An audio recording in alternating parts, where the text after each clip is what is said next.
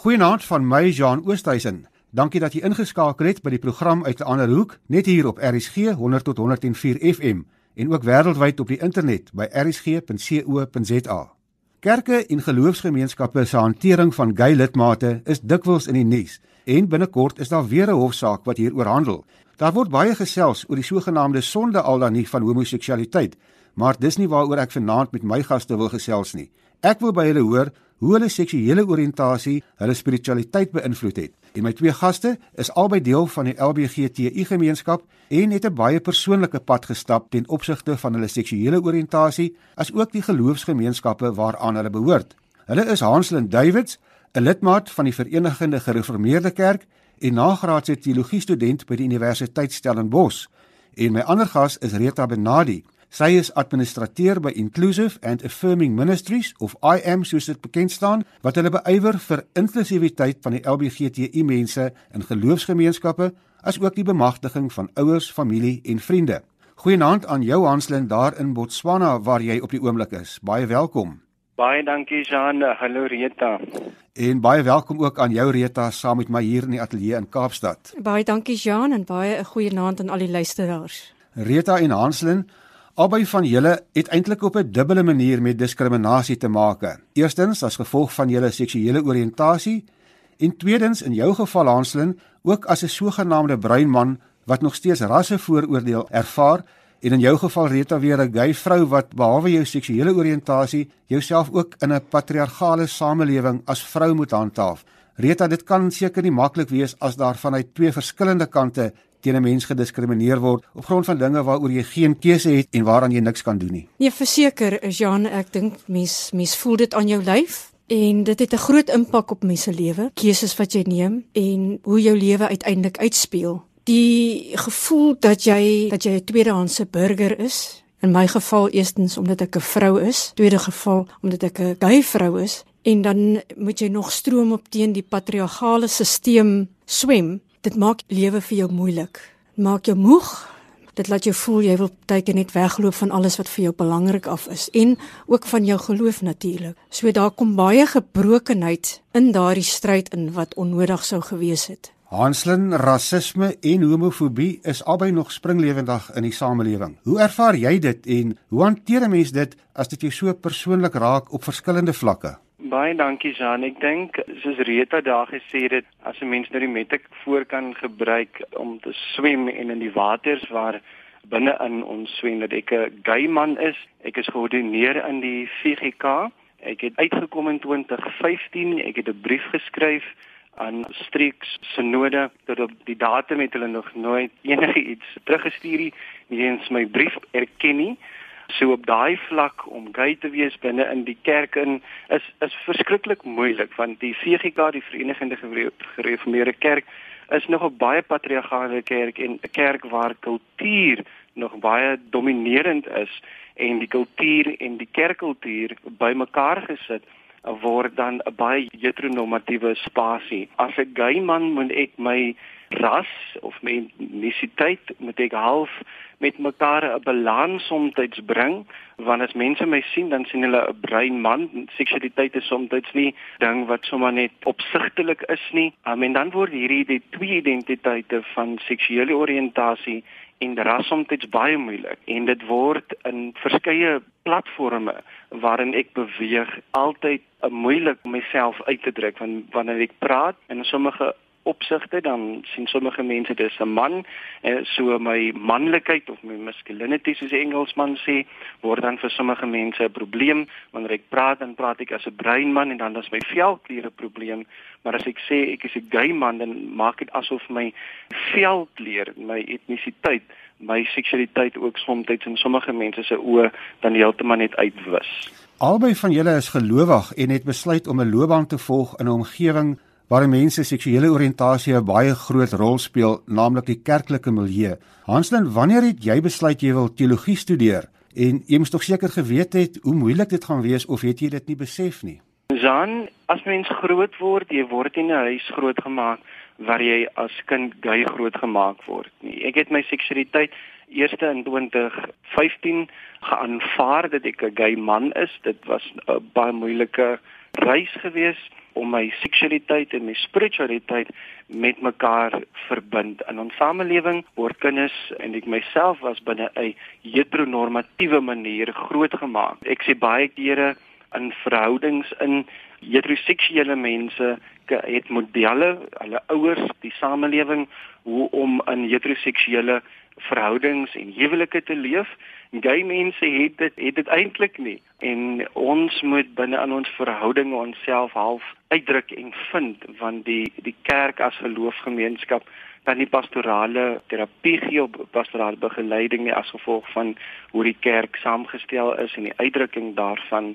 So vir my die teologie gaan swat was ek nie heeltemal seker waar op die spektrum is my seksuele identiteit nie maar ek het geroepe gevoel want ek glo dat die doop wat my lidmaatskap gee in die kerk my geloof in Jesus Christus is vir my die eerste vertrekpunte as 'n predikant nog in die kerk ja sonder status maar vir my is dit prinsipieel oor die geroepenheid wat ek van die Here Jesus Christus gevind het om my geroepenheid ook binne in die VGK die kerk wat ek in behoort dan so te beliggaam. Rita, jy kom uit 'n charismatiese agtergrond waar gepreek is dat homoseksuele mense hel toe gaan en tog wou jy 'n pastoor word in jou kerk. Hoe het dit gebeur? Ja, dit is 'n baie interessante vraag. Ek het altyd baie sterk gevoel dat ek die Here wil dien maar my my onvermoë om myself te aanvaar het gemaak dat ek dit net maar op sy geskuif het. So maar dit het gebeur dat ek met die charismate is is regtig baie sterk. Hulle klem is baie op dit is homoseksualiteit is is 'n sonde, jy gaan hel toe en ek het dit geglo. Ek het dit nooit bevraagteken nie. Maar ek het in 'n ek was in 'n verhouding gewees waarin ek 10 jaar lank in 'n verhouding en daar het 'n insident gebeur wat wat my laat besluit het ons moet nou celibaat gaan. En dit was 'n baie sterk inkering wat by my plaasgevind het weer en ek het geglo daarna dat ek genees was. En dit het daartoe gelei dat daardie roeping na die om om God dien weer sterk na vore gekom het en dis hoekom ek aan studeer het as pastoor op daardie stadium wat ek celibaat was en geglo het. Ek het werklik geglo dat ek genees was. Hansen, vertel ons van jou jare as teologie student. Was jou mede-teologie studente en veral ook jou dosente bewus van jou seksuele oriëntasie en hoe het hulle dit hanteer? Dan ek wil eintlik half aansluit wat Rita gesê het. Ek het 'n groot onvermoë gehad rondom om my seksuele identiteit te verwoord want dit was half in my gedagtes dit is nie moontlik om 'n seksualiteit en spiritualiteit bymekaar uit te bring nie. So vir baie jare op weekskool het ek my seksualiteit half geonderdruk en dit het nie my spiritualiteit ingelig en, en gevorm nie dit is eers in 2013 toe ek as predikant georden was dat aan ons gemeente of kerkraadsvergadering een van ons ouderlinge gevra het vir 'n werkswinkel rondom homoseksualiteit en so het Christina Landman het ons gemeente Christina Landman uitgenooi en sy het toe rondom die FGK se 2008 bes uh, verslag rondom homoseksualiteit die logiese verslag bietjie met ons kom gesels so ook Ralph Barnard en dan ook um, ander persone van die LGBTI gemeenskap. En uh, daar was ek goed toe vir die eerste keer gekonfronteer met om teologies my seksuele identiteit mee gekonfronteer. En dit het vir my absoluut my geskuif om 'n tweede meestersgraad te gaan doen spesifiek rondom seksualiteit. En dit het my verskriklik teologies gehelp om my seksuele identiteit te begin te verwoord en wie ek is as mens. Die kweekskool het nie geweet nie. Ek is absoluut eintlik jammer dat ek nooit my dosente en medeklasmaats in my vertroue geneem het nie, want as gevolg van die feit dat die kerk, die VGK kerk baie uitsluitend was met vorige student dat hulle nie die student gelegitimeer het nie. So dit was vir my meer 'n ding van if you don't tell, no one will know. Ek weet in jou geval Hanslin sou jy waarskynlik baie ondersteuning gekry het by van die dosente en studente by die kweekskool waar jy was. Marita, ek dink in jou geval was dit anderser geweest. Hoe het jy jouself gehandhaaf tussen jou medestudente? Ja, dit is so dat as jy regtig ek was onder die indruk ek is genees. So ek het nie en omdat ek baie vroulik voorkom, is ek nie opsigtelik 'n gay vrou nie. So dit was geen probleem vir hulle nie. Wat vir my baie geplaat was die die grappies wat gemaak is van gay mense. Van die my medestudente het gesê maar gay mense kan nie in tale spreek soos ander mense nie. So daardie absolute afbreekbare sinnetjies en goed wat gesê is, het my altyd seer gemaak en en ek het gedink maar dis nie nodig nie, want ek het geweet ek was gay op daardie stadium en ek het geweet ek spreek ek praat in tale en ek het geweet dit behoort nie so te wees nie as jy Jesus Christus volg dan is jy veronderstel om genade te reflekteer en nie veroordeel teenoor mense te staan nie. Was jy ooit in 'n situasie waar mense julle wou sogenaamd reg gebid het en ons gebruik nou ook die die woord genees amper asof dit 'n siekte is en dit is nog 'n woord wat baie mense gebruik. Maar was jy ooit in so 'n situasie waar mense julle wou reg gebid het en of het jy dit self ook probeer? Het jy ooit so 'n stryd gehad, Hanslin? Jan, ek het my net soos rede daar gesê het 'n mens luister maar wat by kafeteria tafels gepraat word en dan vind jy uit dat spasies is nie veilig om uit te kom nie. Ek self het ou deur 'n moeilike pad gegaan om vir die Here te sê, weet hoekom ek ehm um, want sogenaamde strydmense het dit mos daarom daarom maklik jy kies 'n vrou en jy het 2.5 kinders en jy en jy bou 'n lewe.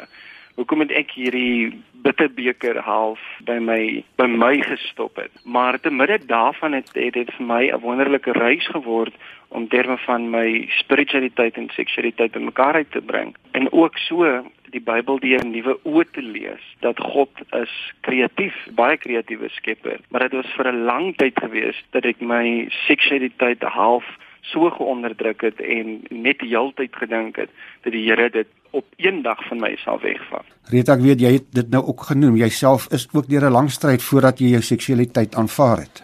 Ja, Jean, my stryd was 19 jaar lank en dit was vir my 'n baie moeilike stryd. Ek het baie skade gedoen aan myself. Ek het baie skade aan ander gedoen. Ek het amper selfdood uh, toegepas. Dit is iets in my lewe wat ek nooit weer sou oorwou hê nie. Ek sukkel nou nog met van die neeweffekte daarvan, maar ek is nou op 'n baie beter plek. En ja, daar was in my pad met die charismate was daar die tye wat daar vir my gebid is om die demoon uit te dryf, soos hulle praat van deliverance. En jy weet as as dit dan nou nie gebeur nie en jy kom agter maar maar jy is dan nog steeds nie genees nie, dan begin jy jouself bevraagteken en dis die gevaar. Jy gaan intern en jy begin jouself bevraagteken en jy breek jouself af en jy dink, "Jene, is ek so sondige mens dat ek nie verlos kan word van hierdie sonde nie. En veral as jy in die charismatiese bewegings is wat geweldige sterk standpunte teen homoseksualiteit maak. Dit het 'n effek op jou. Ons gesels vanaand oor die invloed wat mense seksuele oriëntasie op jou spiritualiteit kan hê as jy deel is van die LGBTQI gemeenskap. Rita, in jou boek God Gay Genade, skryf jy oor die kerk se bydrae tot die onkundigheid by die breë gemeenskap oor homoseksualiteit en die stigmatisering daarvan. Jy het persoonlik ook baie slegte ervarings in die kerk gehad, nie waar nie? Ja, nee, verseker, veral as 'n jong Christen, as 20-jarige wat radikaal tot bekering gekom het. Uiteraard jou gesagsfigure, jy kyk op na hulle. Hulle is deel van die bediening. Hulle is godsmanne. So jy neem aan dat wat hulle sê is die waarheid want hulle is gevul met die Heilige Gees, hulle praat in tale. So dit wat hulle sê kom direk van God af en hulle sal nie fouteer nie. Die letterlike interpretasie van die woord bevraagteken jy ook nie, want om te verstaan hoekom ek dit nie 'n bevraagteken is, en weet ek kom uit 'n generasie waar daar gesê is 'n kind word gesien en nie gehoor nie. So jy word groot van ons is nie regtig aangemoedig om vrae te vra en kreatief te dink en jou eie mening te opper nie. So in my geval was ek 'n baie sagte mens So ek het gedink, goed, hulle weet waarvan hulle praat en as hulle so sê, dan is dit so.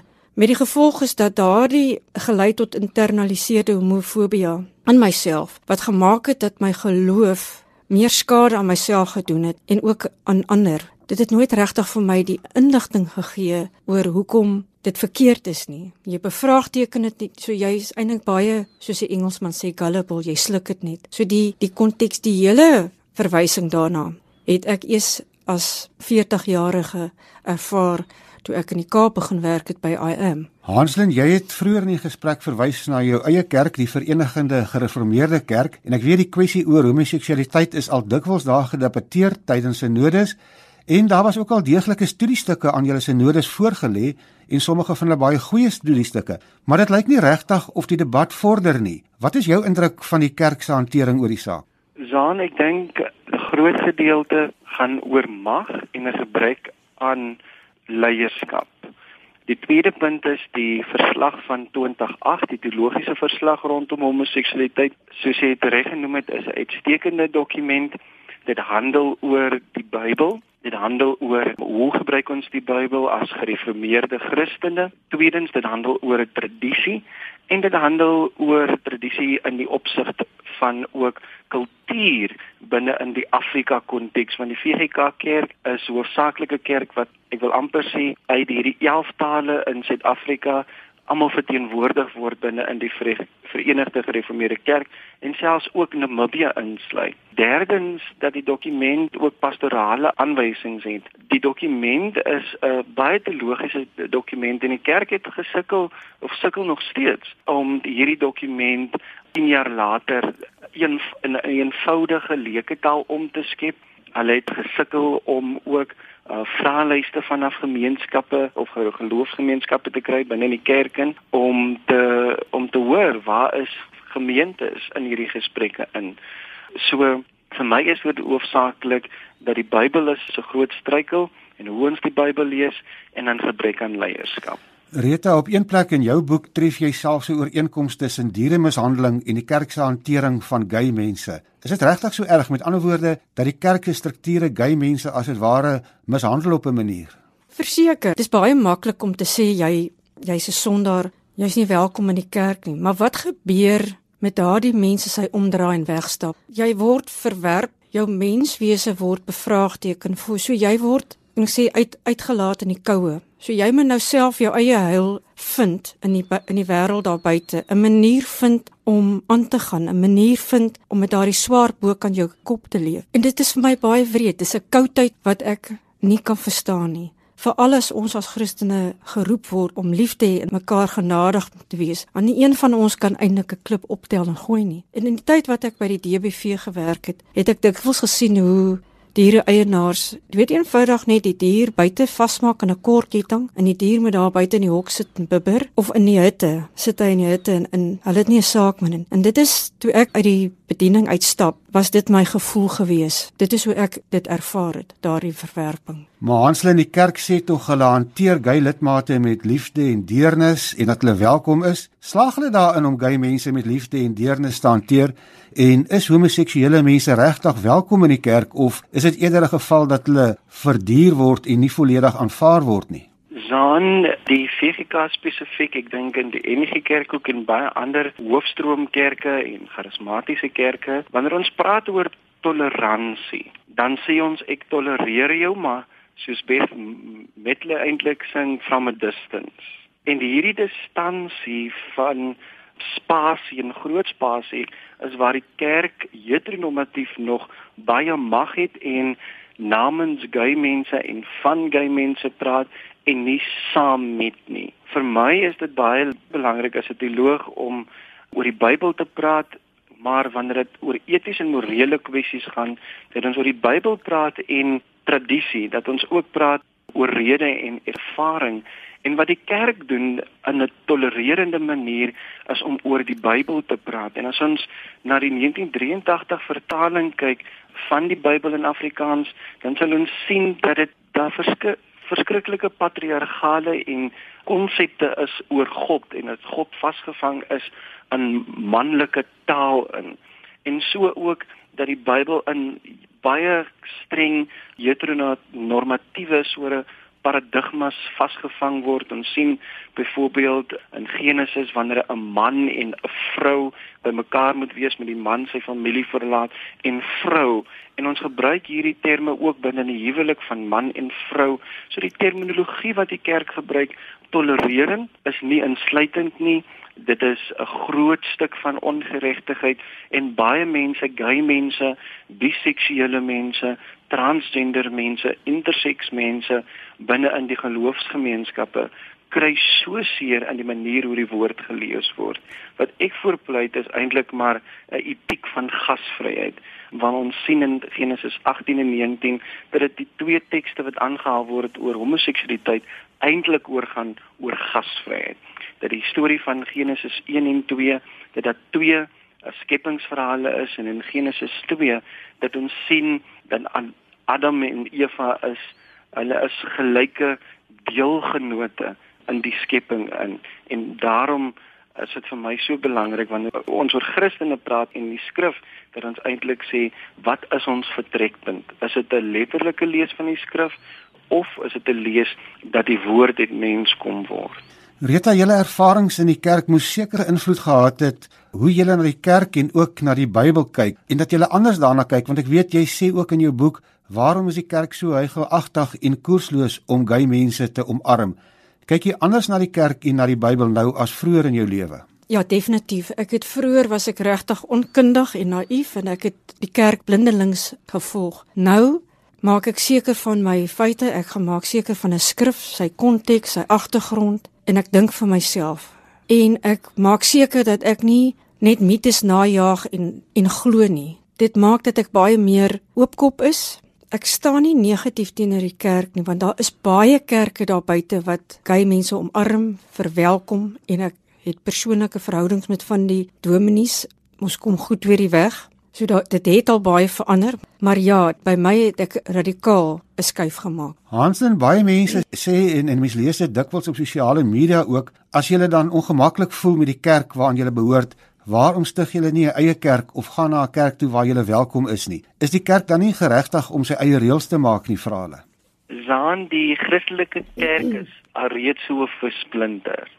En as ons sê in die nagmaal dat ons gee die bloed van Christus en ons gee die liggaam van Christus en die woord leer ons dat ons almal is deel van die liggaam. Nou my Vader, hoe kan ons nog verskillende kerke maak? Ja, mense kies om Anglikaan te wees, mense kies om VGK te wees, mense kies om NG lidmate te wees en dis waar hulle hulle spirituele identiteit as Christene dan vind binne in hierdie kerk se tradisie. Ek wil nou nie gaan staan in 'n ander figika gemeente maak net met uh LGBTI persone nie, want dan word daardie kerk ook weer uitsluitend. Ek wil in 'n kerk wees wat divers is, wat alle seksuele oriëntasies insluit, want as ons 'n ander kerk gaan vorm, en daarmee sê ook ook ek ook by ek dink vir LGBTI mense om hulle eie kerke te begin is ook belangrik maar vir my is ek is 'n VGK lidmaat gebore en gedoop en 'n belydende lidmaat van die kerk en dit is waar ek myself sien en myself wil uitdruk. So ek kan nie aan na 'n ander kerk toe gaan as behalwe die kerk wat ek geloofsmoedersmelk ingekry het nie Rita, jy het vroeër in die gesprek daarna verwys dat jy in 'n stadium ook amper jou geloof verloor het. En daar is baie gay mense wat inderdaad hulle hulle geloof vaarwel geroep het. Het jy 'n begrip vir daai mense wat niks meer te doen wil hê met die Christelike geloof as gevolg van wat met hulle gebeur het nie? O ja, natuurlik baie begrip. En dit is dit is ook so dat baie mense stap uit die kerk om baie redes, nie nie, nie net oor die gay saak nie. En dit is baie hartseer want die kerk ons as Christene is veronderstel om genade en liefde en 'n plek te skep waar mense veilig is. In die lewe daar buitekant se storm. En jy moet iewers baie mense 'n baie diep behoefte om iewers geestelik te skuil. As hulle dan nie meer daardie plek het nie, dan moet jy 'n alternatief gaan skep. En dit is nie altyd so goed nie. Ons tyd is om en ek wil net graag 'n laaste kort woordjie van elkeen van julle hê. Hanslin, wat is in die eerste plek kortliks jou boodskap aan gay mense wat nog steeds in die kerk se strukture is en daarmee worstel en dalk kortliks net 'n kort boodskap aan die kerk vandag en georganiseerde godsdiens in die algemeen. Wat verwag jy van hulle? Jean, elke elke persoon daar buite het agentskap en om sosiale verandering teweeg te bring in die samelewing waarin ons lewe. Vir my is dit belangrik in die vroeë vroeë vraag wat jy vir Rete gevra het, geloof maak mense seer binne in die kerk. Ek, ek wil altyd sê nie geloof nie, maar godsdiens, georganiseerde godsdiens. So vir my is dat vir LGBTI persone om die die skrif, die woord te vat en hulle eie te maak en hulle agentskap daarin ontdek en vanuit die skrif weer uit te praat. Want wat gebeur is te klomp heteroseksuele mense in die kerk en teoloë praat namens God en en dit is die gevaar. Gay mense moet ook begin in die kerk begin die die spasie gegee word om oor hulle beliggaamde ervaring, oor hulle God ontmoet en beleef want dit is hoe ek God ontmoet het en beleef het as 'n God wat skepend is, kreatief is en wat alle mense insluit en niemand uitsluit nie. En die kerk het daardeur 'n opdrag om gehoorsaam aan sy Skepper te wees. Rita, 'n laaste kort boodskapie van jou kant af aan gay mense wat hiermee worstel en aan die georganiseerde godsdiens en kerke in die algemeen. Vir enige iemand wat sê hulle dien Jesus Christus, die seun van God, wil ek sê en wat die Christelike geloof navolg, is dat gaan lees die woord, gaan lees hom in sy konteks, gaan lees hom vir wat dit regtig is.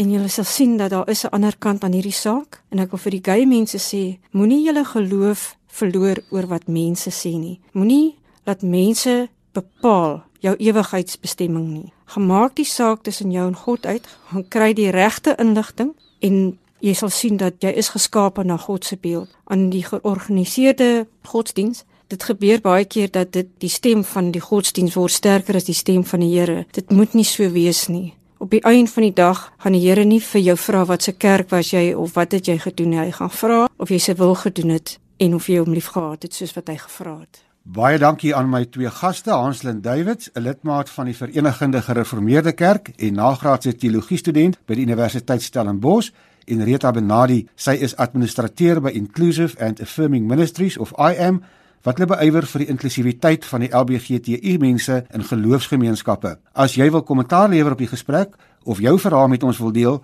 stuur gerus 'n SMS na 45770. Dit kos jou R1.50 per SMS of besoek ons Facebookblad uit 'n ander hoek. Jy kan ook vir my 'n e-pos stuur na jean.oosthuizen@gmail.com of volg my op Twitter by Jean Oost.